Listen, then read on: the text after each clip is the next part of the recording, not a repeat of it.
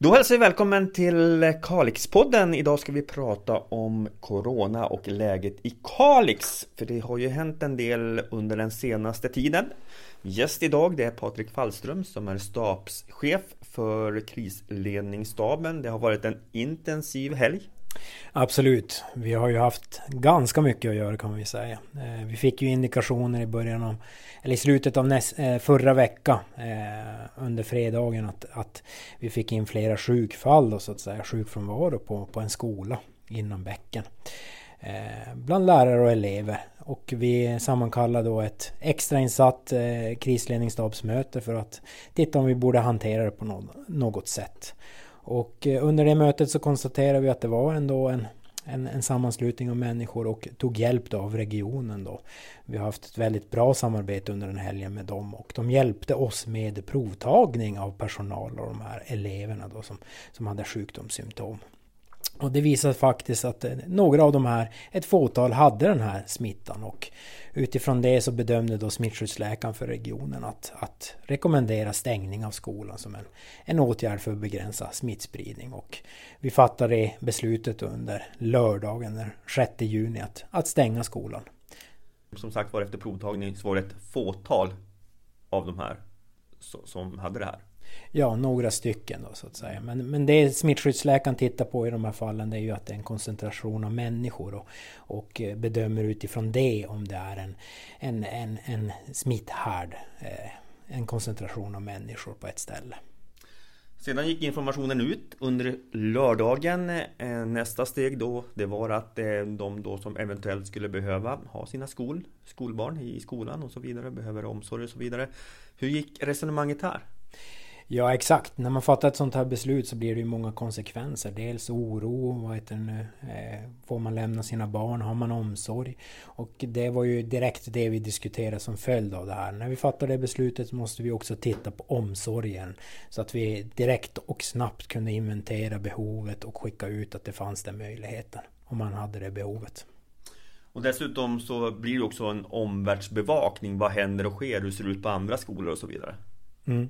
Exakt, vi, som, eftersom vi får de här indikationerna att det här börjar ske då på den här skolan så följer vi ju läget på alla andra skolor. Det gör vi ju faktiskt eh, dagligdags ändå. Vi har ju sjukfrånvaro och sjukstatistik från alla skolor, både lärare och elever som vi följer veckovis och nu även dagligen. Så att, eh, men visar inga liknande te tendenser på de andra skolorna och eh, inga konstaterade smittor i nuläget. Så att inget underlag för att fatta något liknande beslut med den här lägesbilden.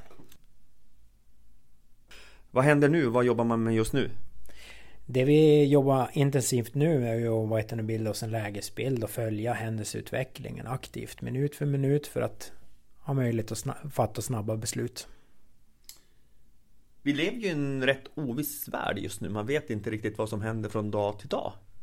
Nej, det är ju precis som du säger. Vi vet ingenting vad som sker i vad heter morgondagen utan vi får ju hantera det vi har nu på bordet så att säga. Och försöka förbereda oss för eh, framtiden. Vad vill du rekommendera nu de som lyssnar på det här?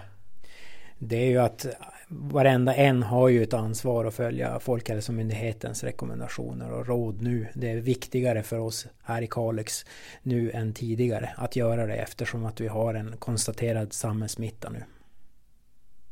Dessutom så har ju det här med drop-in startat Region Norrbotten och det kan man få mer information om hos Region Norrbotten. Ja, man kan gå in via 1177 och titta på informationen där hur man ska gå tillväga. Men de har öppnat nu för allmänheten. Om man har eh, symptom, sjukdomssymptom så har man möjlighet att provta sig.